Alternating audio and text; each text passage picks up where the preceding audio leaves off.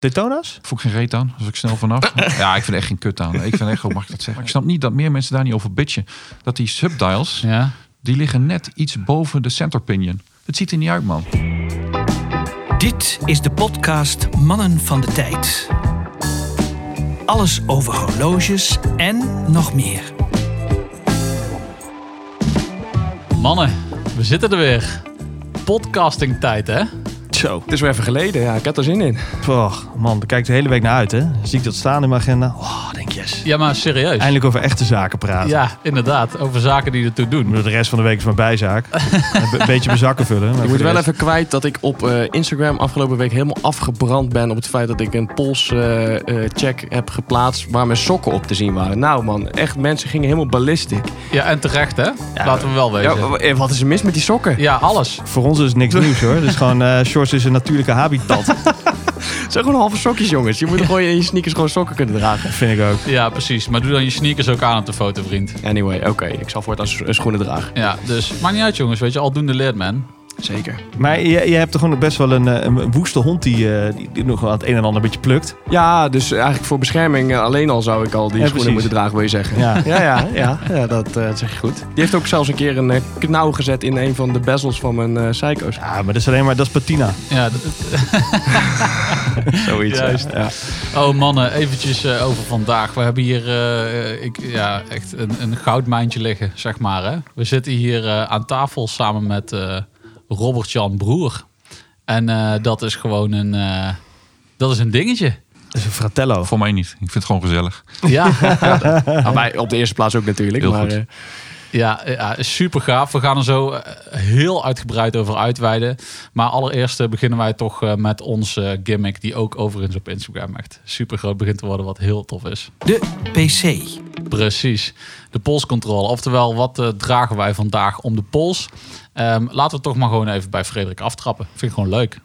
Nou, ik heb hem net omgedaan. De Oris Aki van eh, mijn buurman Sjors.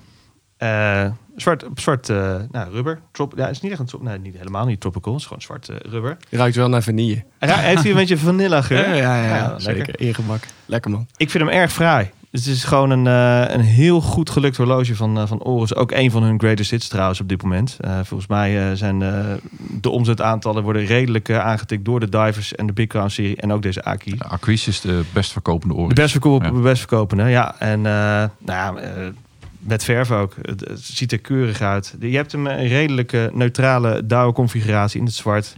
Prachtige zwarte lunetten ook. Ja. Ik, echt, eh, ik vind hem heel erg goed gelukt, ja. Staat je ook goed. Kopen? Ja, Kopen. ja. Nou, hij is, hij is 43,5 in millimeters. Maar eigenlijk door... fors. Nou, het is fors, maar door, door zijn ketelvormige eh, shape is hij, vind ik hem eigenlijk best wel goed dragen op de pols. En ik ben natuurlijk ook wel, ik heb iets bredere polsen, maar Ja, kan hem goed hij, hebben. hij- hij- ja, ik kan hem goed hebben. ja. Nou, wij hebben een soort switch gedaan. Want ik heb een van jouw eh, eh, eBay aankopen. Heb ik hier eh. Je moet me even meehelpen wat dit precies is, Frederik. Oris 65, de oorspronkelijke uit uh, ja, midden jaren 60 Ja. eh, is deze. Hoeveel millimeter zit? Eh, pff, Ik denk 34, 35. ja, zoiets, Ja. 35. Max. Ja. Max. Wel cool. Cool dingetje. Op eh, Rios eh, alligator eh, leer heb ik hem gezet. Ja, ik zou bijna willen zeggen, kijk in de show note voor eh, wat we bespreken. Maar eh, het za- ligt hier zoveel op tafel wat we zo meteen gaan bespreken. Ik denk dat we daar geen plek meer voor hebben. Dus eh, Helemaal. even slag om de arm. Ja, even, even slag om de arm, want er liggen er hier echt een hele hoop bij elkaar. Komen we zo op en dan gaan we een mooi rondje afmaken langs de tafel. Ehm, eh, ik draag zelf mijn eh, Rolex Air King. Eh, en deze die heb ik een tijd lang niet meer gedragen. Ik heb hem ingeleverd bij eh, de gewaardeerde Nico Rijsman als horlogemaker. Omdat eh, mijn rotor eh, nogal eh, wat geluid maakte wat niet hoorde. Dus hij is weer hersteld en hij zit weer op het originele Jubilee. En ik, ik geniet ervan. Het was wel een klappenroter, hè? Op een gegeven moment. Ja, het was, ik had het gevoel of ik in een oude Fiat zat. ja. Dus nee, dat maakte meer geluid dan nodig was. Yes. Maar, de gast van de dag, Ja. Robert-Jan, wat eh, draag jij vandaag? ja, wij eh, doen zelf ook een podcast op Fratello. Ja. En eh, wij noemen dat iets anders. Het is natuurlijk ook een polscontrole.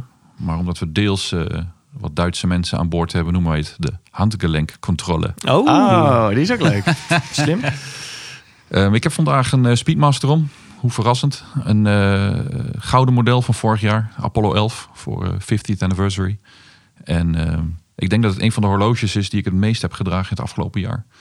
Ehm, ik heb hem gekocht vorig jaar, eh, ja, eigenlijk om de Apollo 11 eh, anniversary te vieren, omdat ik graag een eh, gouden Speedmaster wilde hebben. Het origineel is prachtig. Ik heb een, eerder een gouden Speedmaster gehad en die had ik vorig jaar ook nog. En ik heb deze eraan toegevoegd. Ehm, nummer 13. Ik heb altijd nummer 13, eh, tenminste, ik hoop altijd nummer 13 te krijgen. En vaak is het ook zo. Ehm, ja, ik vind het een prachtig horloge. En eh, ik had gedacht dat ik hem eigenlijk alleen op speciale gelegenheden, ge- gelegenheden zou dragen. Maar eh, ja, ik draag hem bijna elke dag.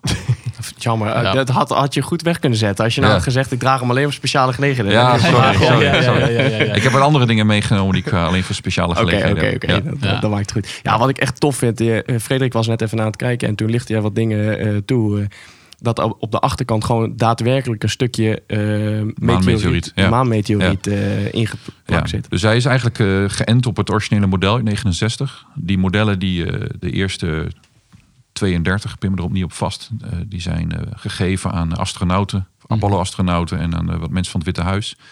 De mensen van het Witte Huis, eh, de, de, de president Nixon en zijn vicepresident Agnew, eh, eh, Spyro, Spyro Agnew, die moesten hem weigeren, omdat het te veel waarde vertegenwoordigde. Dus dat mochten Oh zij ja, niet aannemen. Com- eh, beetje compliance-achtige toestanden ja, omdat ze in dienst zijn van de overheid. Mhm. Volgens mij zijn NASA-astronauten ook in dienst van de overheid. Oh. Maar die hebben allemaal gewoon aangepakt.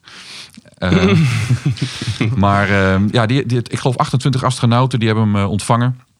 En ehm, het was in 69, november 69, tijdens een eh, zo'n banket eh, eh, dinner in Houston, zijn die horloges uitgereikt. Daar zijn tot op heden geen foto's van gevonden.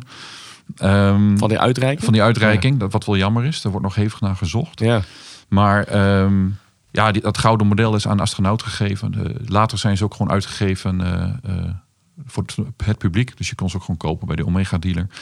Met een iets andere inscriptie op de achterkant. Er stond First Watch Warner on the Moon. Mhm, Eh, bij de ja. astronaut stond de, de naam van de astronaut en de, de, de missie eh, stond erbij. Ehm, zoals ik al zei, ik probeer altijd nummer 13 eh, te krijgen als mijn geluksgetal. Ehm, ik ben een beetje autist, dus nummer 13 is een priemgetal. Heerlijk. Mhm. Dat werkt. Absoluut. Nee hoor, nee hoor, nee. Ik ben op 13 april geboren, dus Voor vandaar. Ah, Voor sommigen is het een, ja. eh, voor sommigen is het een kriemgetal. Ja, ja, nee, precies. En eh, ik heb een dochtertje, die is in 2013 geboren. Dus dat is ook altijd een leuk, eh, Ja. leuk nummer. Ehm, waar ik eigenlijk pas achteraf achter kwam, is dat mijn favoriete NASA-astronaut, Tom Stafford, ehm, die, eh, die, heeft, die had ook nummer 13 van het origineel. Oh, Oh, echt? Ah, Dat was een eh, toevallige bijkomstigheid. Meant to be. Meant to be, ja. Ja. precies. Nice. Gaaf. Polshoogte. Precies, want ehm, ja, Robert-Jan Broer, voor degenen die hem niet kennen, eh, wat misschien eh, wat moeilijk is, maar voor degenen die hem niet kennen, eh, de oprichter eigenlijk eh, en bedenker van eh, Fratello Watches. Eh, en zo zijn we uiteraard ook bij jou terechtgekomen. Eh ja, k- kun je daar eens iets over vertellen? Want je hebt voor de aflevering al een eh, mooi verhaal verteld over hoe het een beetje gelopen is, zeg maar, hè, Fratello. Maar kun je daar eens even kort een recap van geven? Hoe, hoe is dat ontstaan? Ja, natuurlijk. Ik, ehm, net, net als jullie was ik actief op horlogeforums. En ik las horloge magazines. Eh, internet was nog niet zo heel groot ding midden jaren 90. Eh, ik ben van 77, om eh, er alvast mee te beginnen. Dus ik ben opgegroeid met, eh, met Casio's en, eh, en, Swatch later. En op een gegeven moment eh, ehm, vond ik dat je op die forums zie heel vaak dezelfde vragen worden weer gesteld, dezelfde discussies. Mhm. En daar ben ik een beetje vanaf gestapt. Ik dacht, weet je wat, ik vind het ook gewoon leuk om te schrijven. Ja, En ehm, dus ik heb, eh, wat ik in, eh, in ons voorgesprek ook al aangaf, in 2004 had ik een, eh, mijn eerste baan na mijn studie. Ik was vrij suf. Toen heb ik eigenlijk tijdens mijn werk verveelde ik me kapot. En toen heb ik eh, eh, ja, WordPress versie 1.0 geïnstalleerd. Dus het CMS achter, eh, ja. achter vele blogs. ja, ja. En ehm, ja, op dat moment ben ik gewoon gaan schrijven over horloges. En in het begin heb ik ook horlogemerken wel aangeschreven. En vragen, hè, kun, je, kun je daarmee ondersteunen? Kun je wat persmateriaal opsturen? Dat vonden horlogemerken heel lastig. Want ze zeiden, ja, maar wat ben jij dan? Wat is een blog? En hoe zit dat? En internet? We hebben liever dat het weggaat. Sommige merken hebben dat nog steeds heel graag. Dus zo, ja, zodoende ben ik begonnen met Fratello. Eh, ik had het domein had ik al eh, eerder. Want eh, tijdens mijn studie wilde ik ook graag wat horloges verkopen, inkopen, verkopen. Dus ik had vintage horloges gekocht. Dan bracht ik naar een horlogemaker een dorp verderop. Die knapte het op en ik verkocht het dan weer. Mhm. Dus vandaar dat ik het domeinnaam en de, de webserver al had. En dat heb ik in 2004 omgegooid naar een, naar een blog. En ik denk dat blog ja, zou nu de lading niet meer dekken. Het is nu gewoon een online watch magazine. ja. En eh, dat is in de loop van de tijd geworden. Dus ik ben in mijn eentje begonnen. In 2010 kwam eh, Bert Buisrogge erbij, die nu de fotografie en veel videowerk eh, doet. Dus we zijn nu met, eh, met, met 14 mensen, vijf mensen fulltime. De rest is eh, freelance. En in 2012 ehm, eh, is Speedy Tuesday daarbij gekomen. Ja, want Dat is eigenlijk een merk apart. Eh, oh, ja, ja, een bedrijf apart, merk apart. Ehm, ik, zoals ik al aangaf, ik, we schrijven voor, ik schrijf over horloges of allerlei soorten merken en, en, en horloges die me, die me aanspreken. Ja. En eh, Omega heeft altijd wel een beetje rode draad eh, gehad, omdat het eh, nou, vanwege familie altijd zo gegroeid is. Ja. En Speedmasters, nadat ik over mijn Rolex-verzameling heen was, ben, ben ik me weer gaan focussen op Speedmasters. En ehm, in eh, 2012 eh, kwam daar Speedy Tuesday uit voort. Ik was kan je dat eens toelichten voor de, voor de luisteraars die Ja. niet precies weten wat het is? Ja, oh, ik was in eh, 2012 eh, op vakantie in, eh, in Frankrijk, in, eh, in eh, Nice en in Cannes. En ehm, ik had een Speedmaster om en ik maakte een foto van een horloge op mijn pols, wristshot. En ik plaatste dat op een, eh, op een eh, groepje op eh, Facebook. Wristshots heette dat, geloof ik. Heel, heel. Ja. En, eh, Toen had je nog geen Instagram. Nee, ja, dat kwam al vrij, vrij vlak daar, eh, daarna. En, eh, toen ehm, ehm, schreef ik erbij Speedy Tuesday. Want ja, Speedmaster wordt vaak afgekort door Speedy door liefhebbers. En eh, Tuesday omdat het dinsdag was. Ja, dat is een beetje het verhaal. ja, ja, maar de grap is, het is mega groot. Nou, ja, het, het is eh, Speedy Tuesday. Ik dacht van eh, een paar momenten nadat ik dat had geplaatst, dacht ik van, ah, dat klinkt eigenlijk best wel lekker en daar moeten we wat mee doen. En eh, toen zijn we op Fratello Watches, hebben elke dinsdag hebben we een Speedmaster in de spotlights gezet. En doen we nog steeds. We hebben meer dan, ruim meer dan, dan eh, 400 artikelen specifiek op Speedmaster gefocust. Dus elke Ja. dinsdag hebben we jarenlang gedaan nu, acht jaar.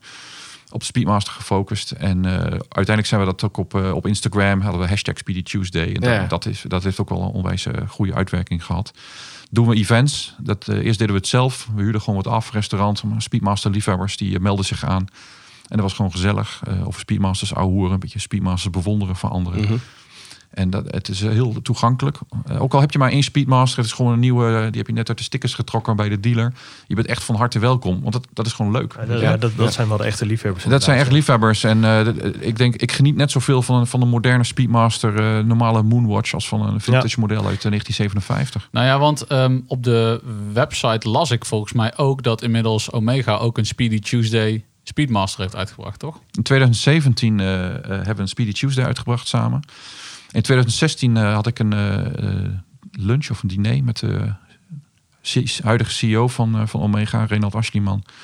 En die had het helemaal wel gevolgd. Eh, want we hebben ook een aantal events gedaan samen met Omega de jaren daarvoor. En hij zei van ja, vertel eens over Speedy Tuesday. Kunnen we daar wat samen mee doen? En ik zei ja, dat lijkt me heel gaaf. Ik zeg, we kunnen een t-shirt doen of een button of een pen of een en, eh, en, Hij eh, zag het toch wat groter voor zich. ja, ik ook. Want ik zei van, maar ik zou het veel gaver vinden om in 2017, dat was dan het vijfjarige anniversary van eh, Speedy Tuesday, om een eh, limited edition Speedmaster te doen samen. En toen zei hij van, vind ik een heel goed idee. Wow.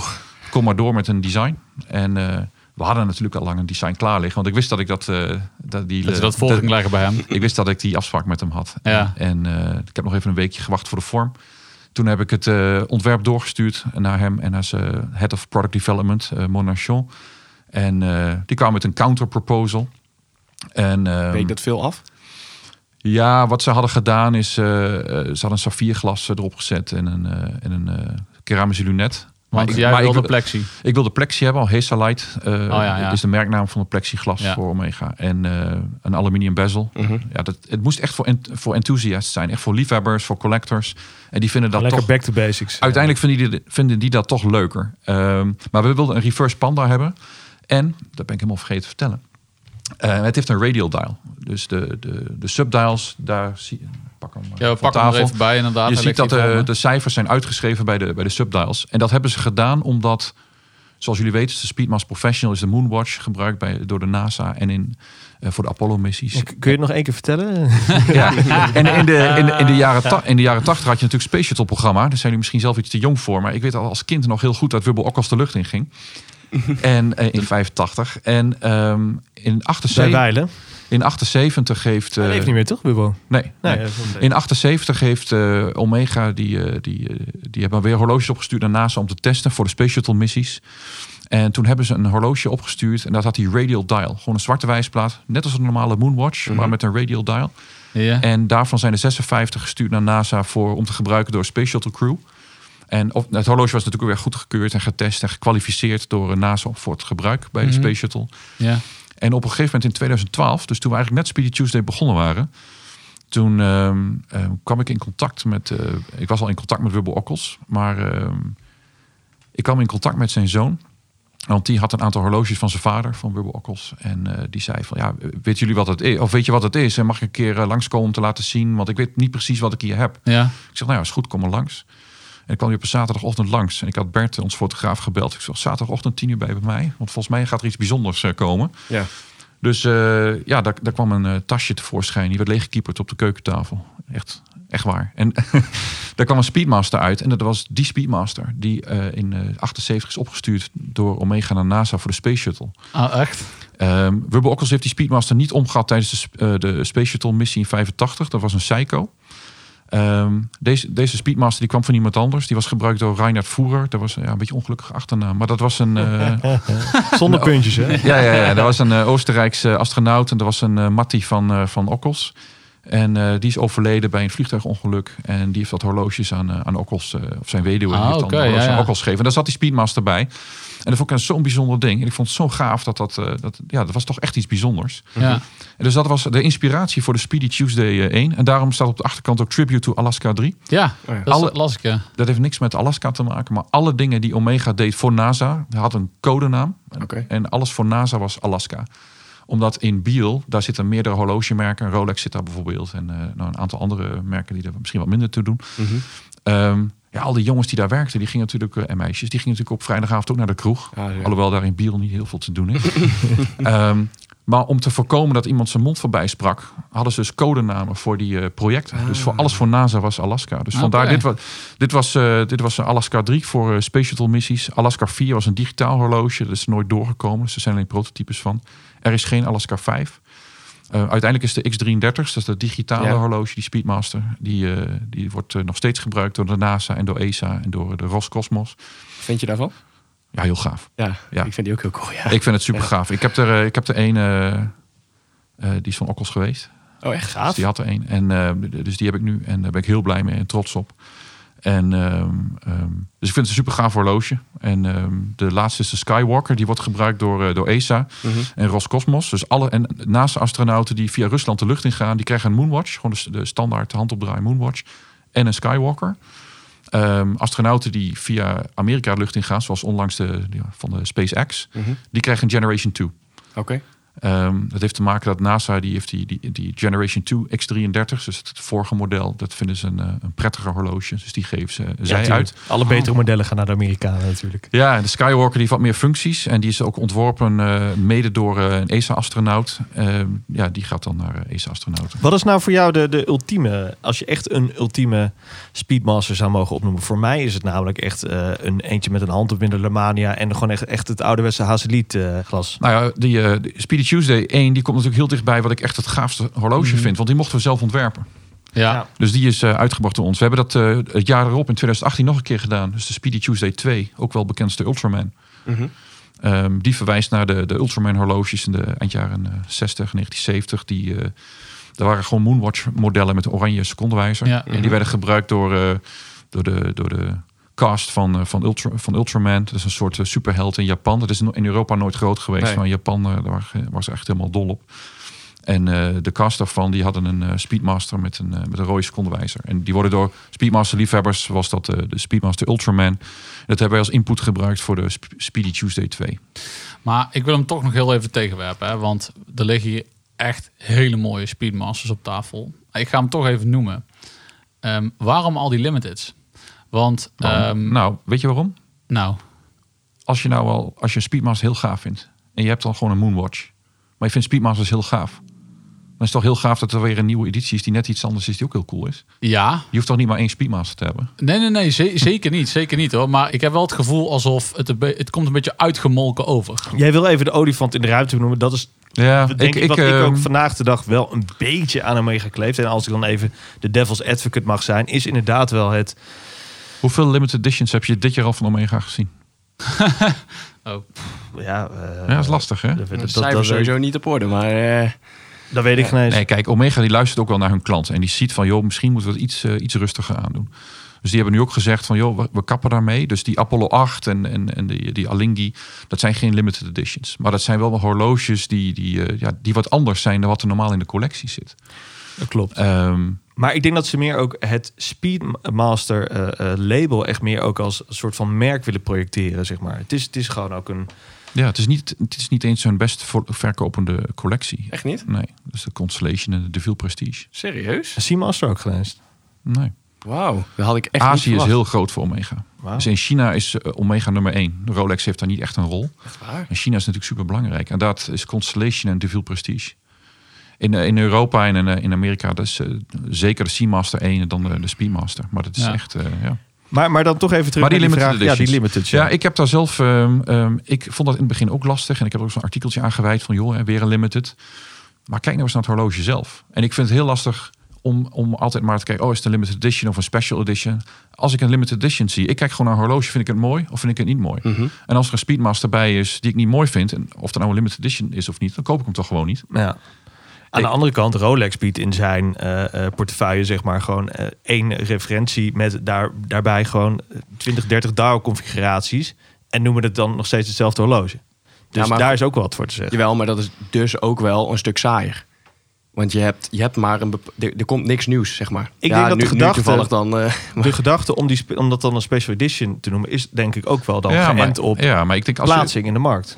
Ja, wellicht. Ehm, als je kijkt naar andere merken, Omega wordt vaak mee in verband gebracht, maar kijk eens naar Grand Seiko of. Seiko. Ja, en Oris. Oris. En Oris. Ja. En ik vind dat prima, want dat zijn typisch merken. En Speedmaster is natuurlijk typisch een horloge. Je ziet hier ook op tafel liggen. Mhm. En als wij een Speedy Tuesday event doen, dan hebben we honderden inschrijvingen per event. Het zijn allemaal jongens die verzamelen Speedmasters. Ja. En het is natuurlijk niks leuker dat je een beetje variatie hebt. Ik vind het heel gaaf om een Speedmaster te hebben zoals deze Tintin die voor me ligt. Waar wat rood gaaf, en wit op zit. Ja. Of de, de Hodinky Special met wat kleurtjes erop. Of, eh, ja, ik, ik vind het alleen maar leuk. Weet je. Mhm. Ik hoef niet altijd hetzelfde horloge om. Of de Nee. Snoopy die er ligt met een witte wijsplaat. Weet Ja. je. Ik, dat is toch weer wat anders. En ehm, ik vind Speedmasters gewoon heel gaaf. Dus ik vind het leuk dat er verschillende versies van zijn. Zodat ik het horloge wat ik echt heel gaaf vind. Dat ik daar wat, wat, vers- ja, wat verschillende versies van kan kopen. Ja. Ja. Dus ik vind het moeilijk om te zeggen van ja... Er zijn heel veel limited editions en special editions. Ja, natuurlijk. Maar maakt dat het merk minder? Nee, zeg jij dan. Nee, weet je, het gaat mij om dat het zijn het goede horloges. Ja, Eh, staan die mensen voor wat ze doen? Ja, en ik heb dat heel duidelijk gezien toen wij die Speedy Tuesday 1 deden. Ehm, als ik zie met hoeveel passie dat ging, vond ik echt onvoorstelbaar. Ja. We hebben op, met, met die Speedy Tuesday 1 en 2 hebben we mee mogen eh, kijken eh, in de keuken bij Omega hoe dat gaat. Vanaf de ontwerp tot aan de uitlevering, tot aan de after sales service. En die mensen zijn zo betrokken. Het is niet zomaar weer een projectje of een marketing dingetje. Nee, die mensen gingen daar vol voor. Ja. En dit was de eerste keer. Speedy Tuesday was de eerste horloge wat ze en online hebben aangeboden. En samen hebben gedaan met, met een groep liefhebbers. Ja. Dus dat, het had, een Ja. hele- dat, het had, het had een hele hoop firsts voor, de- voor, voor hen. Maar dat had ook ehm, als gevolg dat het heel erg onder een vergrootglas lag. Bij het management van Omega en Mhm. bij het management van Swatch Group. Ja. Voor, kijk, voor merken is er natuurlijk ook een moment om het horloge weer onder de aandacht te brengen. Kijk, iedereen vergelijkt altijd alles maar met Rolex. Maar dat is heel raar. Want Rolex is een merk zoals geen, ander, geen enkel ander merk is. Mhm. Dus je moet misschien niet alles maar altijd met Rolex vergelijken. Doen zij het ouderwets, vind je? Rolex? Nee, ik vind dat Rolex geen horlogemerk meer is. Rolex is, vind ik interessant. eh, Rolex is een luxe merk aan het worden. En het gaat niet meer zo om de horloges. Dat zie je aan de klanten. Mhm. Die willen kosten wat kost een Rolex hebben. eh, omdat de Rolex op de wijsplaat staat. Omdat, ja, god behoede, Femke Louise een, een Rolex heeft. Of weet ik veel wie een Rolex heeft. Ja, ik bedoel, daar wil je toch niet mee geassocieerd worden. Maar ik bedoel, al die mensen hebben een Rolex om. Dus mensen zien dat en die, die weten niet eens wat het is. Maar ze, ze weten wel dat ze een Rolex willen. Ja. Ja, en dat maakt het dat het een luxe product wordt. Mensen Mhm. staan ervoor in de rij. Je, als je binnenkomt bij een Rolex dealer en je vraagt om een Submariner, word je gewoon uitgelachen. Dat is toch vreselijk? Ja, ja dat, is, dat is niet waar het om gaat. En, en, en Rolex zelf, die, ja, ik heb er wel eens naar gevraagd bij, eh, toen er nog een Basel World was. En onze, ze liet ons toen de Pepsi zien, geloof ik, de nieuwe. Destijds nieuwe. Toen vroeg ik, wat is het, wat is het nut hiervan dat je dit aan ons laat zien? Maar je, gaat, je hebt de dingen die je drie jaar geleden hebt geïntroduceerd, die lever je niet eens uit. Dus wat is het nut ervan dat je dit hier nu aan ons laat zien? Ja, Ja, ja, ja, dat is een heel groot probleem. Ja, ja dat creëer je punt. zelf. Ja, ja. Ja, en kijk, dat maakt het lastig. En ik vind dat je op een gegeven moment.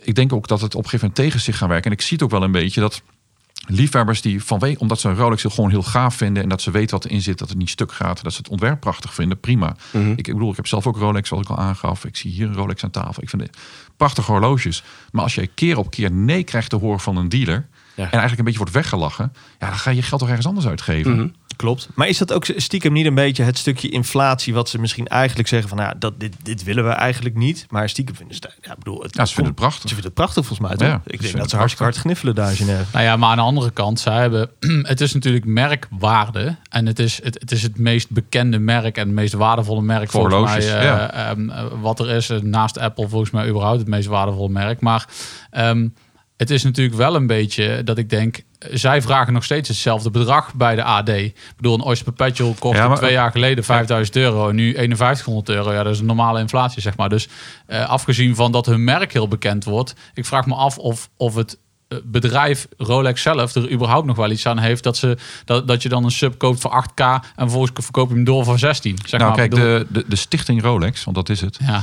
Die, eh, die hebben een an- iets ander model dan andere merken. Eh, Rolex doet alleen business to business. Ja. Ja. En, heel veel andere merken doen het ook rechtstreeks met, met consumenten. Ze hebben geen eigen boutiques. Dus alle boutiques zijn in handen van, eh, van, van juweliers en, eh, Ja. en retailers. En hoe zit dat met de Rolex boutiques dan bijvoorbeeld? In, De Rolex boutique is Ze gewoon zijn van Leon. Martens. Oh, echt waar? Ja, die zijn Ja. van Leon Martens Dus zelf. Rolex doet zelf geen... Ze hebben één boutique in de wereld. Ja. Ze willen niet zeggen waar, maar ik neem aan dat het, dat het Genève is.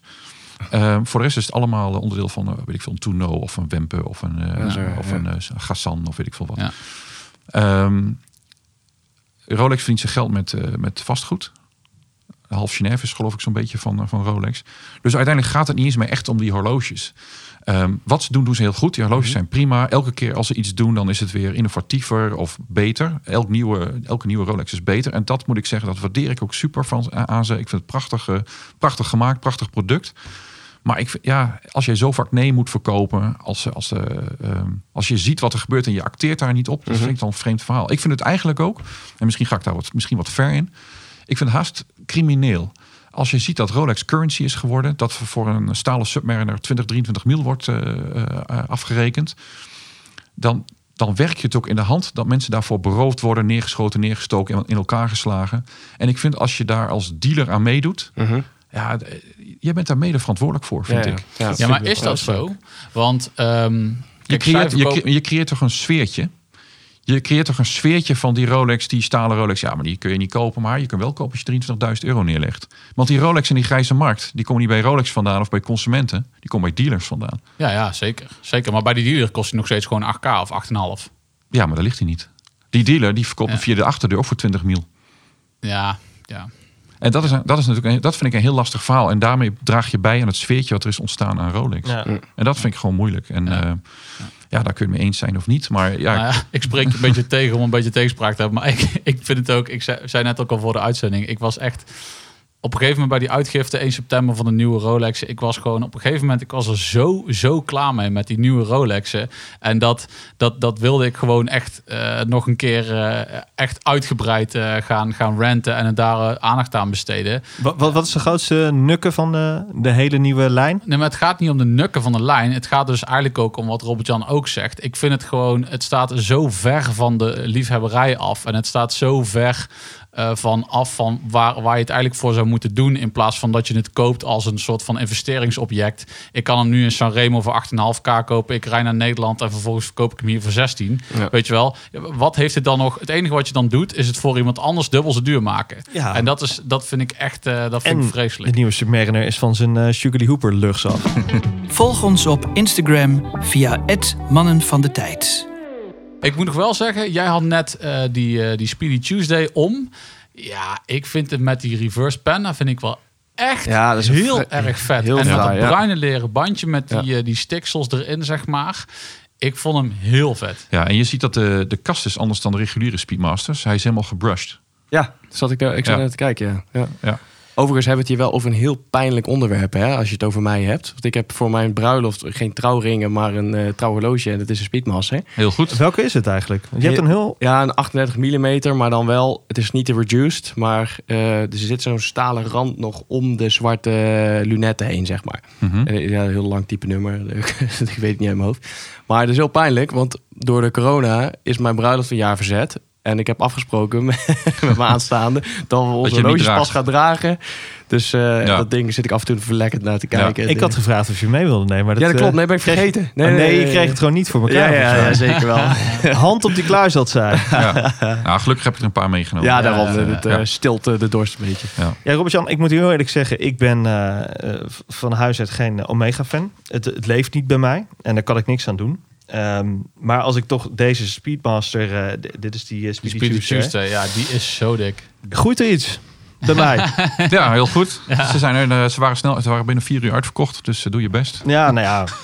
Kijk, dus, Ja. Ik, ik, ja, ik, ja, ja, dit is toch wel vet, ja. Het, ja. Ja. ik kan er niks aan doen. Maar, Maar- het, het, het le- als ik het gewoon op scherm zie, hè, en dat is het vooral. Je moet een, een Speedmaster, vind ik ook, echt in je hand hebben. Nou, dat vind, ik, dat, vind ik voor elke. Dat geldt Dat voor elk horloge natuurlijk, Ja, ja. maar sommigen doen het beter weer andersom. Maar goed, in elk geval, hij, eh, het is, het is, er zit zoveel diepte in. Eh, de lucht, die, die gedraaide lucht, ja, iconisch natuurlijk. Maar ja, je kunt het niet genoeg benoemen hoe ontzettend dat eh, het, het silhouet van, van, van die kast echt belichaamt, als het ware. En dat vind ik echt heel erg mooi. Wat ik zo jammer vind, is dat eh, eh, de mensen die kritiek hebben op de Speedmaster eh, en op Omega, die gaat uiteraard waar we net over hebben gehad, over de, de vele limited editions. Maar is dat mensen zeggen van ja, ja, Speedmaster, fantasieloos, we weten het nou wel, het eerste horloge op de maan. Ehm, maar het, het biedt nog zoveel meer dan alleen dat verhaal. Hè? Mensen weten alleen dat te, dat te Ja. benoemen. Maar als je ziet wat hier nu op tafel ligt, het is zo prachtig. Ja, voor mij was het ook niet de reden om eh, mijn eerste Speedmaster te kopen. In 99, toen ik nog studeerde. Toen, eh, toen kocht ik mijn eerste Speedmaster. En voor mij was de reden dat ik het Een gewoon goede even- stufie had je toen. Ja, ik had een goede lening ook. En ehm, nee, nou, die had ik zeker. Maar ik had, eh, eh, ik kom uit het oosten van het land, zoals al even eh, bespraken. En ik had een, eh, een auto en die had ik eigenlijk in Den Haag niet nodig, waar ik studeerde. En eh, die heb ik verkocht om die Speedmaster te kunnen kopen. Kijk. En ehm, ik heb die Speedmaster eigenlijk gekocht omdat ik het een best afleesbare chronograaf vond. Ik vond het zo mooi gedaan, die zwarte wijsplaat met die witte wijzers. Je kon eigenlijk echt super supergoed zien eh, eh, ja, hoe laat het was, maar ook de, de tijd aflezen van de chronograaf. En eh, ik vond het gewoon een waanzinnig mooi eh, ontwerp. En dat hele maandverhaal, dat vind ik, vind ik echt prachtig. Maar bijzaak voor jou. Voor mij was het een beetje bijzaak. Maar ik vind het wel heel leuk. Hè? Als we events doen en er is een astronaut bij, dan, eh, dan vind ik het ook super gaaf om Ja. die eh, oude mannetjes te spreken. En eh, Ja, het spreekt gewoon ze tot te laten vertellen. Ja, ik vind het echt super. Ja. Dus ehm, Wat, wat zouden chronografen zijn die eh, nog wel op jouw lijstje zouden staan? Daytona heb jij... eh, ik heb Daytona ge- Afgekraakt? gehad even. En eh, ja, ik heb er gewoon niks mee. Ik snap dat mensen het prachtig vinden. Maar ik heb daar gewoon niet zoveel mee. Ik, eh, ik heb een eh, Royal Oak chronograaf gehad. Die vond ik heel mooi. Maar ook daar moest je de, de pushers moest je eerst uitschroeven voordat je hem kon gebruiken. ja. Ja, dat is een no-go bij Robert-Jan. Nee, daar hou ik gewoon niet van. Eh, ik heb een Navi timer eh, gehad van Breitling. druk? Eventjes. Ja, vond ik, ik had toen nog geen bril zelfs. En, en toen vond ik het al heel druk en moeilijk afleesbaar. Ik moet wel zeggen, ik vind die, de nieuwe 806, die, die re-edition die Kern heeft uitgebracht, twee jaar terug in Basel, vind ik echt heel gaaf. Ja, Ja. dat vind ik een mooie. Ja, de Zenith El Primero vind ik heel mooi. Ja, Prachtig. ja het zijn het Ehm, El Primero is natuurlijk wel de... Ja, ik heb wat vintage uh, psycho dingetjes eh, met een chronograaf wat ik gewoon leuk vind. Ehm, dus ja, ik vind chronograaf echt wel, eh, wel leuk. Ik vind de oude Daytona heb ik wel, vind ik qua ontwerp heel mooi. Ah, die zijn echt waanzinnig klein. Dat, Ja. dat, eh, ja, dat lijkt nergens op. Hey, mag ik hem heel eventjes heel even nog terugpakken naar, eh, want dat vond ik wel een heel interessant verhaal. Eh, je hebt ehm, eh, één horloge heb je samen, of die heb je uitgereikt gekregen eh, vanuit Houdinki. Ja, de, eh, pak ik ook heel eventjes in verband met, eh, met, met Fratello dan. ja. Kan, kan je daar eens over vertellen? Want daar ja ik nou, dat weet ik niet. Ik ken Ben Clymer al heel lang. Toen hij begon met Houdinki in 2008, toen, toen was ik al een tijdje onderweg. Mhm. Hij heeft het heel goed gedaan. Ehm, slimme, slimme jongen is het. En hij heeft voor tien jaar bestaan voor Dinky heeft hij eh, samen met Omega eh, ook een limited gedaan. Geënt op het horloge wat hij van zijn opa heeft gekregen, waar, voor hem eigenlijk alles mee begon. Dus het verhaal komt wel een beetje overeen met mijn eigen verhaal. En eh, ja, we zijn gewoon vrienden. En eh, hij heeft het horloge uitgebracht. En op een gegeven moment eh, vroeg hij mijn adres. Hij zegt, eh, ik stuur je wat op. Ik zeg, nou, dit doet hij wel vaker. Dus nou is goed, hier is mijn adres weer. En, eh, dus eh, ik, eh, de het postbode belde aan. En ik moest, weet ik veel, wat geld afrekenen voor de, voor de import. En dat, was, dat was al een aardig hoog bedrag. Dat was al een aardig bedrag. Ik dacht, joh, waar is dit voor? En ik maakte de doos open en er zit een horloge in met een briefje erbij. En was ja, super. Briefje voor mij heeft meer waarde dan, dan het horloge, moet ik zeggen. Maar het horloge briefje heb je ingelijst ook? brief heb ik niet ingelijst, maar is goed opgeborgen. Maar ja, het is super gaaf horloge. Wat een mooi gebaar. Ja. Ja. Ik ken het origineel. Ik heb het origineel niet hiervan. Dat is de Speedmaster Mark eh, 40, noemen ze dat. Dat was een eh, horloge met een dagdatum, een 24 uur eh, aanduiding. Ja. En daar sloegen die kleurtjes ook een beetje op. En eh, dat uurwerk is er natuurlijk niet meer. Tenminste, Omega gebruikt die uurwerken niet meer. Dus hier zit gewoon een handopdraai uurwerk in. Ze hebben die kleurtjes wel teruggebracht. Maar ze hebben eigenlijk geen, eh, geen functie meer. Maar ja, het is gewoon een leuk, leuk horloge. Op plaatjes, wat, wat ik net ook al hoorde, op plaatjes vond ik het eh, wat, wat eh, een beetje flats allemaal. Maar als ik hem Ja. zo om heb, ah, die kleurtjes doen wel wat. Ik vind het leuk. Ja, Ja. oké. Ja. En als we dan heel even naar eh, andere merken gaan kijken. Ik heb nu toevallig een eh Grand Psycho GMT-complicatie om. Schitterend. Ja. Is dit, eh, is dit Ja, voor jou een zijstapje of is dit echt ook een... eh, Nou, ik, had, eh, ik vond Grand Psycho altijd vrij lastig. Ik heb volgens mij in 2005 ook ooit eens opgeschreven van... Ja, wie geeft er nou 5000 dollar aan een Grand Psycho uit? Dan heb je het toch niet helemaal begrepen. Maar uiteindelijk had ik het zelf niet helemaal begrepen. Ja, weet je, hou fouten, van deze nuance fouten, fouten moet je ook toegeven. En ik ben in... op een gegeven moment hebben we Michael Stockton aan boord genomen... om te schrijven voor Fratello, is Amerikaan. Hij is expert in, in Duitsland, in Frankfurt. Zijn Instagram is Mike in Frankfurt. Dat moet je echt volgen. Dat is echt een leuke account. Ja, ik, ik volg hem trouwens. Ja, hij, eh, hij, en hij heeft me eigenlijk een beetje. Hij heeft mij de ogen geopend richting Psycho. Hij zegt: Het is zoveel value for money. Het zit zo Ja. goed in elkaar. De kwaliteit is zo hoog. En hij had al een aantal Grand Psycho's. Hij zegt: Kijk er nou eens naar. En toen we afgesproken, had er wat meegenomen. Ik zeg: Ja, het is wel echt wel heel mooi ook. En we zijn er wat meer over gaan doen. En uiteindelijk ben ik in 2015 ook eh, uitgenodigd door eh, Grand Psycho om eens naar Japan te komen. Om te komen kijken in de fabrieken. En ehm, ja, dat was echt een eye-opener. Zoiets had ik nog nooit gezien. Nee. Bij geen enkel ander merk. Ik ben bij bijna alle merken in Zwitserland geweest en in Duitsland. Wat ik daar heb gezien, heb ik nog nooit Heb ergens jij de anders gezien. Takumi vaklui eh, gesproken die eh, met een Saratsu polishing bezig waren? Ja, Maar wat, maar wat bedoel je dan? Wat heb je dan? eh, ze laten alles zien. Kijk, als je bij een Zwitsers merk komt of bij een Duits merk, dan is het ook altijd wel ergens. eh, zijn de meeste deuren Ja, gewoon misverhuld natuurlijk. zijn de meeste deuren gesloten. En Ja. dat komt omdat eh, ze doen niet alles zelf. Weet je, en als je grote merken hebt, dan eh, ook al lange ondersteunen. Weet je, prachtig merk. Maar het is, een, het is een Richemont groep merk, is prima. Maar dat zal de vouwsluiting of de kast, ja, die komt dan ergens uit Schaffhausen of zo. Hè. De- Ja, ja. En misschien dat het nu niet meer zo was, maar- is, maar dat was destijds wel zo. En dat, dat geeft allemaal niet, weet je wel. Maar ze hebben dat natuurlijk liever, dat dat wat verborgen, ver- verborgen Dat blijft. Dat er wat meer romantiek omheen eh, zit. En dat het wat, wat mistig is. En anders doet het, als jij voor de eerste keer naar Baselworld gaat en je hebt ook afspraken met die merken. En je ziet hoe het allemaal gemaakt wordt. Ja, dan het kan ook een beetje een droom zijn die in duigen valt. Ja, ja. Maar het, heel Ja. vaak zie je bij verschillende merken ook dingen die, hey, dat ziet er wel een beetje hetzelfde uit als wat ik net heb gezien. Die, die hebben dan ook gewoon dezelfde suppliers. En dat kunnen Logisch. Zwitserse suppliers zijn, die kunnen suppliers uit China, weet je, dat doet er allemaal misschien niet zo toe. Maar wat ik bij Grand Psycho zag, is ze doen echt alles zelf met heel veel trots. Geen enkele deur bleef dicht. Ze lieten echt alles zien. En ehm, het is een beetje een nerdhorloge en dat geeft niet. Ehm, Wij je, zijn nerd. ja, je laat Ja. het. Je, je, als je vooral als je met een loop bekijkt, dan zie je gewoon hoe mooi die, die polishing is gedaan op die uurmarkering, hoe die wijsplaat is gemaakt, hoe die, hoe die wijzers in elkaar steken. En toen ik in Japan was, was er ook een, eh, een Japanner die, die was aan het, eh, eh, aan het polijsten. De uurmarkering voor uurmarkering was hij aan het polijsten. Hij zo'n roze plastic Barbie spiegeltje had hij erbij om te kijken of het allemaal goed was. Ah, je verzint het gewoon niet. ja, ja. En eh, de productie is natuurlijk ook heel laag, dus het kan. Eh, zoveel wordt het niet gemaakt per jaar. Nee. Maar ehm, Eigenlijk als je dan gaat bekijken dat, wat, wat de kostprijs is van de gemiddelde Grand eh, Ik bedoel, een beetje vanaf 5000. ja. Is het relatief voordelig wat je krijgt. En dan denk je, Ja. hoe, hoe kunnen ze dat uitsmeren? Ze hebben natuurlijk ook wel de luxe dat ze dat over die grote cycle holding kunnen uitsmeren. Maar ja, het zijn wel verschillende eh, het zijn entiteiten. BV's, zeg maar, Ja. tegenwoordig. Of eh, hoe het in Japan ook heet, limiteds neem ik aan. Wat me vooral opkijkt, het uurwerk wat er in zo'n Grand zit, wat je daar hebt, is prachtig uurwerk. En dat, dat is dan een beetje hetzelfde misschien als een, als een Breitling of Omega of een Rolex Je uurwerk. bedoelt het high beat Het is eh, goed. uurwerk. Het is prachtig, maar, maar, maar het is geen, het is geen Vacheron of AP of Patek. Nee. Maar als je kijkt naar de afwerking van zo'n kast en van de uurmarkeringen van de wijzers, ja, dat doet niet onder voor een Vacheron bijvoorbeeld of voor een AP. Dat is zo mooi gemaakt.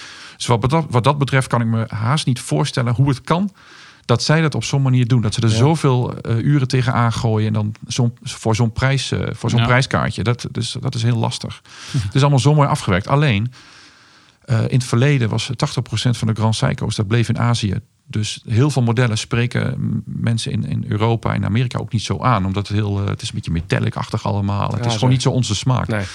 En dat verandert wel eh, langzamerhand. En eh, ze, ze luisteren wel wat meer naar de westerse, westerse landen. Dus je ziet daar wel verandering in. Ja. Maar eh, ja, ze doen het heel goed. Ik geloof in de Verenigde Staten doen ze het echt eh, uitstekend. Enorm goed. Ja. Ja. Hij is al prachtig trouwens hoor. Ik, zie, ik kijk hem nou even om de pols van Frederik. Ja, het is een, eh, het is een eh, SBGJ201 voor de kennert. Het is een Grand Seiko GMT met een Mount Iwate wijzerplaat. Ja, dat is hij. Dus een heel klein, een soort rijspapierstructuurtje zit er in die wijzerplaat. Schitterend, Hij fonkelt zo. En eh, met een GMT inderdaad. Het is een echte GMT, dus je verstelt de, de normale urenwijzer verstel je per uur.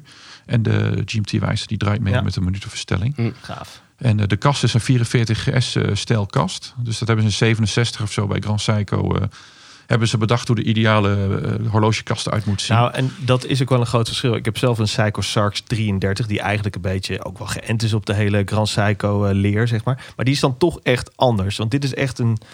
Ja, hoe noemen ze dat ook weer? De grammar of design, toch? Ja, precies. Ja, het is de Hij heeft grammar. een beetje een soort van schildpaddenschild, vind Ja, ik. het is de grammar of design. Eh, je ziet ook dat die Grand Ik had het gisteren toevallig over met eh, een collega.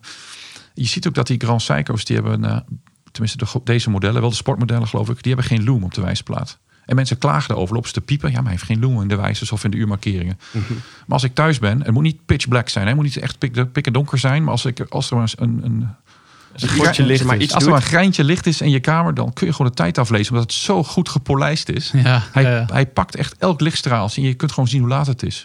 Ja. Dat is zo fantastisch gedaan. Je hebt gewoon geen loom nodig met zo'n ding. Nee. Nee. Hey, en eh, als je nog eventjes, eh, wat zijn voor jou eh, opkomende merken? Heb je daar ook nog... eh, Ja, voor mij is Grand Seiko opkomend. Ik denk dat in Nederland hebben ze nog echt wel stappen te maken. En leeft het nog niet zo. Het is een beetje, wat ik al zei, het is een beetje een nerdmerk. En dat geeft niet.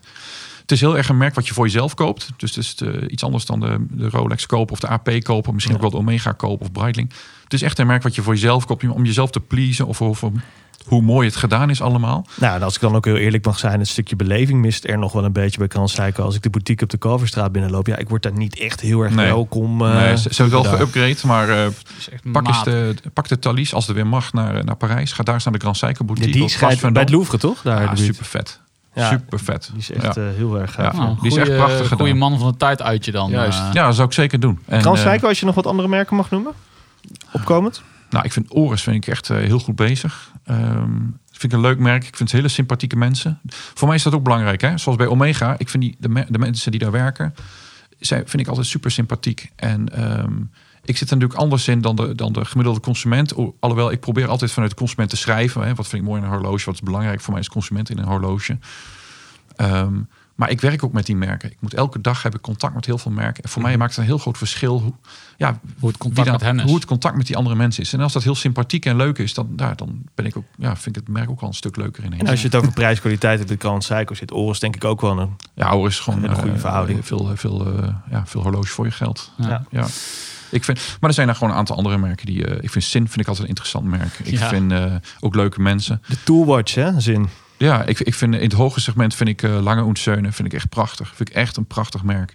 Ik vind Patek doet hele mooie dingen. Eh, ik vind de Nautilus ook mooi. Ik heb destijds voor een Royal Oak gekozen en eh het waren ze ongeveer net zo duur. En de, Royal Oak vond ik wat rauwer, sprak me gewoon wat meer aan. Mhm. En ehm, maar de mensen bij Patek zijn wel echt heel stijf. Het is allemaal moeilijk en lastig. En eh, ja, ik vind het gewoon niet zo leuk. Nee. Nee. Dat En bij, bij Langer zijn ze super vriendelijk. Eh, het, is altijd, eh, het is altijd gezellig. Eh, het is, eh, ja, ze laten echt alles zien. En eh, eh, bij, bij presentaties. eh, ja, ik vind het ja, gewoon een sympathiek merk. Ik vind. Vacheron? ja, vind ik ook wat, wat, wat een, een wat lastig merk. Ik vind die overseas vind ik zelf heel mooi. Omdat het ook een beetje die, die, het stijl heeft van de Nautilus en de Royal ook. Omdat ik dat de jaren 70 met integrated bracelet vind ik gewoon, Ja. Ja. ja. vond ik gewoon een mooi tijdperk. Ja. Ehm, de overseas vind ik mooi, maar die hebben te veel gewijzigd door de jaren heen. Die hebben niet eh, vaste koers gehad, zoals de Nautilus en de, en de Royal Oak. En eh, dat, die zijn gaan zwabberen. Ja, en dan zie je dat het, ja, zijn ze daar niet zo eenduidig in. En, Ja. ehm, ehm, dus dat vind ik lastig. Ik vind de nieuwe wel heel mooi. hoor. Ik vind die rosé gouden prachtig met die rosé gouden Ja, band. Vind ik echt super vet. Mooi ding. Maar ja, er zijn zoveel. Ik vind ook kleine merken. Ik vind Linde Werlin vind ik ook een leuk merk. Ik vind een heel sympathiek merk. Ik vind de mooie horloges. Eh, ik heb zelf ook eentje gehad. Ik vind eh, het, is, heel veel geld voor, eh, het- voor, voor zo'n horloge van Mhm. een independent. Maar ik, ja, ik vind ze wel leuke dingen doen. Als je dan over Nederlandse independents hebt, zeg maar, wat opkomend. Wat vind jij nog wel interessant om te noemen? Nou, nou ja, ik vind Geunenvel niet opkomend. Ik, Nee, ik- zeker ik, niet. ken Bart Tim al heel lang. En eh, ehm, ja, wat zij doen vind ik echt ja, bizar. Ik vind het zo mooi. Ja. Maar het is ook een beetje uit de portemonnee. En dat vind ik altijd lastig. Hè? Ik, ik hoorde jullie podcast met, eh, met Ruud. En Ja. eh, een dapper eh, Dutch dude. En ehm, ehm, die is heel erg van independence. En ik vind het ook prachtig. Ik was een paar weken terug was ik in Genève bij de Geneva Watch Days. En dan heb je afspraak met MBNF en Oerwerk en Moser. En dan zie je de meest prachtige horloges. En die zijn zo gepassioneerd over wat ze doen en hoe ze dat doen. En het gaat heel erg over details. En het super vet. Maar ja, hoeveel mensen kunnen er een ton of anderhalve ton uitgeven aan een horloge? En het is een beetje als Top Gear Magazine. Weet je, het is super gaaf om een keer over een Ferrari te lezen. Of eh, hoe gaaf dat allemaal is. Maar aan het eind van de dag ga je je golven van je Passat of in je 3-serie ga je gewoon naar huis. Ja, ja. Dus uiteindelijk zijn dat de, de dingen die mensen kopen. En dat is met horloges ook een beetje. Dat is ook onze insteek bij, bij Fratello. We schrijven graag over de horloges die ook gewoon dicht bij ons staan. Wat zijn de horloges die je nou zelf koopt? En ik denk dat dat gewoon een eh, ja, frisse insteek is. Ik wil niet zeggen dat ik dat we niks met MBNF of Oerwerk of Greunenveld doen. Ik vind dat echt prachtig. Ja. Maar dat is zo super niche. Het staat heel Ja. ver van je bed. Ja. dus dat is ook heel niche op onze website. Ja. Hè? Daar doen we af en toe eens wat aan. En, eh, maar ik vind dat echt prachtig. Maar Greunenveld vind ik echt bizar mooi. Ik vind het echt eh, super gaaf. Het is voor de happy few. Ja. Maar eh, het is super mooi. Iets betaalbaarder is van eh, Michiel uh, Holt in rechts, rechts, Ja. rechts, rechts, rechts. Ja. Ehm, ja, wat hij doet vind ik echt heel leuk. Vind ik origineel. Eh, hij, eh, Heel erg gaaf, ja. ja, 3D printing. Eh, Eerst eh, vond ik het wat lastig, want dan denk ik van ja, het staat ook achterin 3D printed. Ik, dat deed voor mij een beetje afbreuk aan het hele concept. Want voor mij klinkt dat als ik bestel een 3D printer bij Coolblue en we gaan een horloge maken. Ja. Klonk een beetje gimmicky. Maar als je dan bij hem in zijn atelier bent en je ziet wat er voor nodig is en hoe, hoe ruw die kasten binnenkomen, wat er dan vervolgens met de hand moet gebeuren. Ja, vind ik super vet. Dus, maar ja, dat 3D Je moet het echt zien bij dat Michiel. 3D printed, dat geeft dan een beetje een vertekend beeld, denk Ja. ik, als je er niet in hebt verdiept. En dat maakt het dan een beetje een lastig commercieel verhaal. Maar ik vind wat hij doet, ja, super gaaf. Hele, hele sympathieke vent. En eh, Echt, echt Heel erg veel dat is het, hè? Want als je het, als je het hebt over eh, sympathieke vent, ja, die Michiel, jongen, dat is, dat is Ja. held. ja. ik vind het een super gave kerel. Soms een beetje zweverig, maar dat hoort er, hoort er, Ja. hoort er precies bij. En eh, ja, dat vind ik leuk. Ik vind, ik weet eigenlijk niet eens of hij nog wel wat doet. Je had vroeger had je, vroeger, een paar jaar terug had je Fred Dingemans, DMH. Eh, Fred Dingemans horloges. Oké. het niet. Zag me echt Maar die had een schuur in zijn tuin staan. En daar maakt hij zelf horloges met jumping hours en weet ik veel wat. En die maakte 10 of 12 horloges per jaar. En dat is wat hij deed. Of doet misschien wel. En die verkocht hij ook. Ja, 12 per jaar. ja, vind ik super vet. En Ja. er- dus, er zwerven wel wat van rond. En misschien als je een mail stuurt, dan, eh, dan eh, mag je op de wachtlijst. Dan zal er Ja, even eentje schuren, eentje eruit rammen. maar ja, die, dat kon precies zoals jij wilde. Als je zegt, wil groene wijzers. Nou, dan kan er een potje Rivel verf en dan hup, groene, groene wijzers. Dat, dat vind ik gewoon leuke dingen. Ja. En eh, ja, in Nederland heb je dan Christian van der Klauw. En eh, je hebt... eh, eh, hoe heet die? Van der Gang. Ja. Ik vind Van der Gang ma- maakt een heel mooi product. Maar ik vind het wel een beetje eh, IWC. Ja. Ik denk, als je Ook zoveel... heel erg aviation gericht, hè? Ja, ja, en natuurlijk als je aviation horloges maakt, dan zit je altijd een beetje in hetzelfde hoekje. Als je duikhorloges maakt, krijg je altijd een beetje Submariner of eh 50 Fathoms. Maar eh, Hij zit heel erg op de vliegers, ja. ja, als jij zelf eh, zoveel moeite steekt in, in zulke mooie horloges maken, ja, huur dan even een designer in, alsjeblieft. Ja. En Christian van der Klauw, dat is, ja, vind ik, vind ik echt prachtig. Ze zijn een andere richting opgegaan eh nadat het werd overgenomen door de familie Rijntjes. Astronomical. Ja, nou dat is echt Christian van der Klauw, maar ze zijn wat commerciëler geworden. Vroeger kreeg je een stenseltje erbij, hè, van eh, zo moet je horloge bedienen. Oh, ja. En, en daar was het. En je kon hem zelf ophalen bij, eh, bij Van der Klauw thuis. Hm. En eh, het is allemaal wat commerciëler geworden. Ik krijg een mooi boekje erbij, en een mooi doosje erbij en dan weet ik veel wat. En ja, dat, dat hoort er allemaal bij. Dat snap ik allemaal wel. ja. Maar ik vind dat knullig, vind ik altijd zo sympathiek. Ja, dat is, ja, ja, ja, dat kan ik me wel voorstellen. Ja. Er wel bij. Maar ik ben dan wel heel erg benieuwd, hè, want je bent wel echt, eh, we kunnen jou met recht wel een, eh, een echte kenner noemen. Wat, is, wat staat voor jou nou nog op je grill list? Wat, wat staat er bij jou nou echt op een podium waarvan je denkt van nou, dat, dat, daar kijk ik echt naar uit om ooit een keer eh, in mijn bezit te hebben?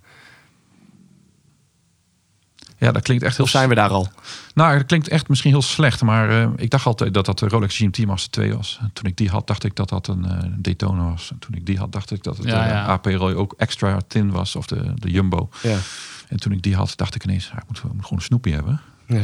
Dus weet je, het is. ehm, ehm, ik vind heel veel dingen heel mooi, maar ik heb niet echt meer eh, een verlanglijstje. Dat klinkt heel gek, maar ik heb de dingen die ik heel graag wilde hebben, heb ik. Of die heb ik gehad. Mhm. Ik vind wat ik heb, ben ik echt super blij mee. Ik draag elke dag met plezier bijvoorbeeld die gouden. Of ik eh, het horloge wat ik eh, voor mijn eerste vaderdag heb gekregen. Van mijn vrouw en van mijn dochtertje. Of ik pak eens zo'n Tintin. Of, of een Rolex Submariner. of een Rolex Datejust. Of mijn eerste Constellation die ik kreeg. Of een Seiko of die Grand Seiko die je daar hebt. Of een Chrono Swiss. Of nou ja, wat er ook in mijn collectie zit. Mhm. Ik vind het gewoon allemaal leuk. En Ja. ik, ehm, ehm, echt op een verlanglijstje. ik kan horloges echt heel mooi vinden. Ook wat uit wordt gebracht. Of bij zo'n Greunenveld of bij een MBNF. Maar daarvan weet ik ook. Weet je, ik ga geen ton uitgeven aan een horloge. Ook al zou ik het hebben. Ook al zou ik gewoon mijn hele collectie verkopen voor één horloge. Ja. Dat heb ik ook wel eens gedaan in het verleden. Heb ik heel veel verkocht omdat ik één specifiek horloge wilde hebben. Ja, dat, dat, ik wil gewoon verschillende horloges. Ik vind het gewoon leuk om eens af te wisselen. En, Ja. Dus je hebt eigenlijk een beetje rust gevonden in de flipperitis. Ja, al, ja, al een paar jaar terug eigenlijk. En ik moet zeggen, met die, eh, met, die, eh, met die Speedy Tuesdays is dat wel zo gekomen. Omdat ik dacht van, weet je wat, we mogen nu echt een Speedmaster ontwerpen die ik zelf heel graag wil. En wat ik mooi vind. Heb jij, heb jij thuis ook nog beaters liggen? Gewoon echt eh, goedkope bangers die, eh die je Oh, ik wou net zeggen, ja, wat hier op tafel ligt. argelijk- Ja, dit is een Maar het is ehm, net wat je definitie van beater is natuurlijk. Nou, ja, weet je wat het probleem is? Wij hebben eh, bij Fratello eh, onderling maken we wel eens het grapje van eh, als we zo'n horloge op, opgestuurd krijgen voor een dingetje of we kopen weer eens wat. weet je, dan zien we een horloge, weet je, zoals zo'n Undone bijvoorbeeld. Ik weet niet of jullie dat wat ja, zeker. maar die, ja, ja, die kun je komt- zelf samenstellen. ja, er komt er in Hongkong komt er weer eens een doosje met een horloge wat we dan moeten reviewen en dan, dan vinden we dat zo leuk, dan kopen we hem zelf ook. Maar dan weten we eigenlijk van tevoren al dat gaat in de doos met horloges die je nooit draagt. Ja.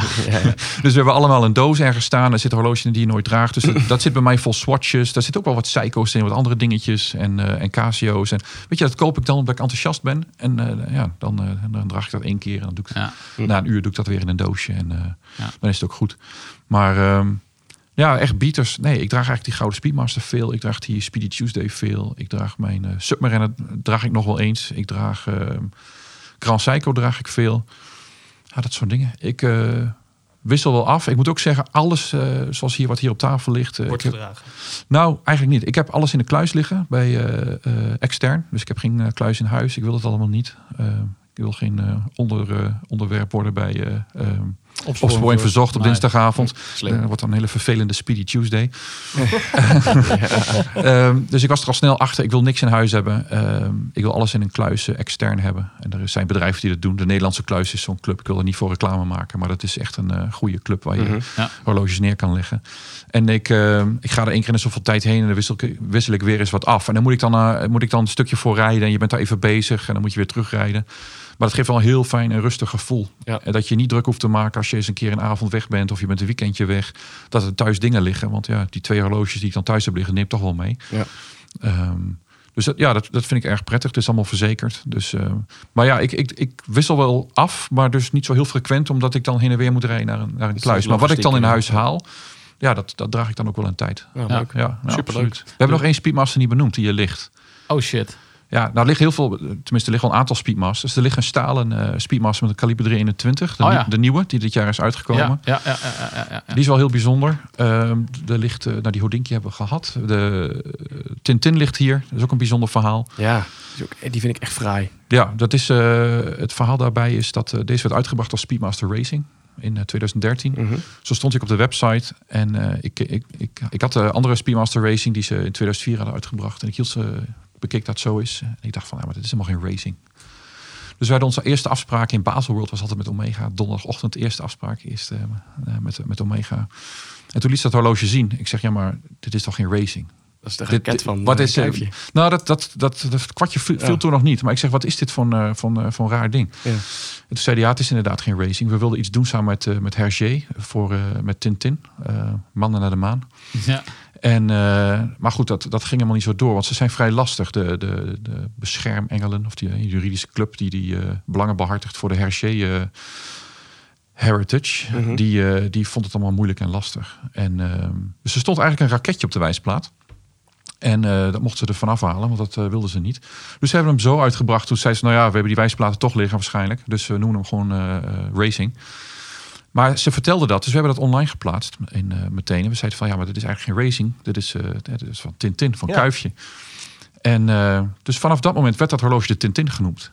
Ja, de geuzennaam, zeg maar. De geusnaam Ja. was Tintin. En bij Omega mogen ze dat niet gebruiken. Nee. Intern noemen ze dat ook zo natuurlijk. Maar Nee. ze mochten het verder niet zo gebruiken vanwege copyrights. En wij kregen ook lasten van. Want ik had een album van, van Kuifje had ik liggen met Mannen op de Maan. En ik Mhm. had het, het horloge erbij liggen. Kregen we een hele onvriendelijke brief van, eh, van een juridische club. Die zei van ja, je haalt er nu af, anders gaan we ja? een rechtszaak beginnen. En eh, ja, toen hadden we misschien wat minder backing dan dat we nu hadden. Maar ik was nu graag aangegaan. Maar toen heb ik het inderdaad het plaatje er maar, maar afgehaald. Maar dat is een leuk horloge. Er zijn er heel weinig van. Mensen doen altijd een beetje gokjes hoeveel er van zijn. Maar er zijn er heel weinig van. en het is een leuk horloge. Ik heb hem vrij laat gekocht. Eh, in Japan eh, kwam ik hem tegen toen ik daar was voor Grand Seiko eigenlijk. Ja. kwam ik hem tegen bij een eh, horlogezaak. En toen heb ik hem meegenomen. Dus die ligt er. We hebben een, even denken, een Broad Arrow. Er ligt een Snoopy van 2015. En dat is een bijzonder horloge. Snoopy de, was de mascotte van Apollo 10. Ja. En uiteindelijk hebben ze bij NASA ook bedacht... als je iets heel bijzonders doet voor NASA... als je echt Mhm. een bijdrage levert die heel belangrijk is... als astronaut of als staf of als eh, supplier... ehm, dan kun je een eh, Snoopy Award ontvangen. Oh, En er was een award, gewoon een eh, certificaat... maar ook een zilveren pinnetje. Dan heb je een pakspel of zo. Of, en ehm, eh, Apollo 13 eh, missie, die ging natuurlijk mis in eh, 1970. Daar ontplofte een zuurstoftank. En eh, het was maar de vraag of die astronauten eh, veilig eh, thuis konden komen. En dat had er onder andere, dat hebben ze gefixt. hè, met een oude sok en een plakband en een pen hebben ze die capsule hebben ze gemaakt. Letterlijk, ja? Ja, ongeveer. Ja, ja. De film uit 1995 met Tom Hanks, die laat het heel goed zien. Dus dat is echt een aanradertje voor re- regenachtige zondagochtend. Ehm, en op een gegeven moment moesten ze die raket weer bedienen, maar ze hadden maar heel weinig brandstof. Dus die, ze moesten heel voorzichtig zijn. En die raket die moest precies 14 seconden geboost worden. En die 14 seconden waren heel belangrijk, Mhm. want dat had ook te maken met hoe ze de dampkring binnenkwamen. En als, als je te kort of te lang, dan zou je onder een verkeerde hoek de dampkring binnenkomen en dan zou je gewoon verbranden. Mhm. Dus het moest precies, hadden ze uitgerekend, moest precies 14 seconden. En dat hebben ze met die Speedmaster gedaan. Nou zou je denken, dat zou je met elke chronograaf kunnen doen. Mhm. Maar voor de Apollo-missies was natuurlijk de, de Speedmaster het enige horloge wat al die tests heeft overleefd. Dus dat ja. had je niet met andere chronograaf kunnen doen, want die waren al eerder gestopt waarschijnlijk. Ehm, omdat die Speedmaster zo'n rol had, hebben ze op 5 oktober 1970, dus bijna 50 jaar geleden, Ja. kreeg Omega zo'n eh, zo'n Snoopy Award eh, uitgereikt.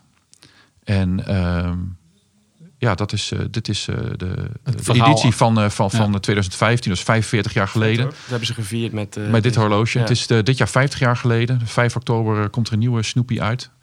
En dit is die van, van de 45th anniversary. Dus op de achterkant zie je ook een, een zilveren Snoopy pin. Zoals die eruit zag. Zoals, eh, als je hem kreeg. Zoals daar, Omega hem ontving. ja, ja, ja. maar er zijn ook mensen die wat, wat andere, op andere gebieden dingen hebben gedaan voor NASA. Wat echt een bijdrage was. Die hebben zo'n Snoopy pin ontvangen. Soms kom je ze wel eens op tegen op eBay. Die originele pinnen. Want al die pinnen die ze dan geven. Die, zijn ook, die hebben ook gevlogen in de ruimte. Oh, echt? Dus Ja, dat maakt het dan extra leuk. Oh. Ehm, dit horloge had ik vorig jaar om bij eh, Speedy Tuesday eh, Get Together, die we organiseren. Toen, toen het nog kon. Toen er nog geen COVID-19 was. Ja. En, nog eh, leven. precies. Leven. En eh, bij elk van die, eh, van die events eh, hadden we ook een astronaut. En bij, deze, bij dit event in Frankfurt vorig jaar hadden we Charlie Duke. Charlie Duke was Apollo 16 astronaut. Dus die had daar op de maan gelopen. Maar voor de Apollo 13 missie, waar Snoopy natuurlijk over gaat, die, eh, daar was hij backup. En ehm, ja, omdat hij daar was en ik had het horloge om toen, eh, ik had zo'n diamantpen bij me. Ik dacht, Ja. nou, we kunnen vast iets leuks mee doen. Die diamantpen, eh, die, eh, die, eh, eh, die heb ik gegeven aan, aan Charlie Duke. En eh, heb ik gevraagd van, wil je je naam op de kast graveren? Episch. Dus dat vond hij een beetje lastig eerst. En eh, uiteindelijk heeft hij dat gedaan. Ja, en, Hij eh, was al wat ouder ook. ja. Dus Ja. dat was toch wel de missie. Ja, Uh, wat ik ook wel tof vind, want ik zat net te kijken, die wilde ik net aan jou vragen. Ik zie bij de, de uurmarkering, bij de indexen, daar gaat tot 14 ja, eh, ja, seconden dan in deze. ja, klopt. Eh, is er een andere, ja, een afwijkend patroon eigenlijk? Ik wilde Ja. net vragen waar dat aan lag. Nou, er staat ook tekst. Als je met een loop kijkt. Ja, ik probeer het te lezen, maar mijn Dus, ogen... eh, what can you do in 14 seconds staat erboven. Oh, ja, ik zie het nu, ja. Ja. ja. En de Snoopy ligt op eh, drie uur. En daar staat een tekstwolkje bij met, eh, met failure is no option. En die tekst hebben ze nooit gebruikt tijdens de missie, maar die hebben ze in de film gebruikt. Op ze later. ja. bij Apollo 13. Maar ja, het is een beetje een, een, een, een gimmick-achtig horloge. Maar ik, er is wel over nagedacht. Al die ode. details, daar is over nagedacht. Ik heb de eerste Snoopy ook van 2003. Eh, daar staat, dat is gewoon een, een, een, een Moonwatch met een eh, Snoopy patch op, eh, op, eh, op drie uur. Eh, sorry, op, eh, op, op negen uur. Negen. En ehm, ja, dat vond ik ook wel een heel gaaf horloge. En toen kwam deze uit. Ik dacht van ja, moet ik gewoon hebben. Prachtig. En ik heb nummer 13 natuurlijk. En dat vind ik ook leuk, want het is Apollo 13, nummer 13. Ik dacht, nou, Worden je die nummers jou gegund? Ja. Of is het eh, puur geluk? nee, dat is geen geluk. Oké. Ja. Ja. Nee, super gaaf. En eh, dat, dat vind ik een, een, een, prachtige editie. En ik kijk erg uit naar de, de nieuwe Snoopy eh, die dit jaar uitkomt. Ja. Ja. tof. Hey, hartstikke mooie dingen hier gezien. Eh, heel veel informatie. We zouden hier nog echt uren over vol kunnen praten. Misschien Ja, een keer... precies. eh, We moeten toch een keer afsluiten. ja. Ja, On this bombshell, we will end. Nee, ja, Super eh, bedankt, ja, voor alle heel, inzichten. heel hartelijk eh, bedankt, Robert-Jan. Bedankt dat Jan eh, bij ons wilde zijn. Graag gedaan. En eh, tot de volgende. Tot de volgende. Dit was de Mannen van de Tijd podcast. Abonneer je nu via je favoriete podcastplatform. Of volg ons op Instagram via het Mannen van de Tijd. Tot de volgende. Daar kun je je klok op gelijk zetten.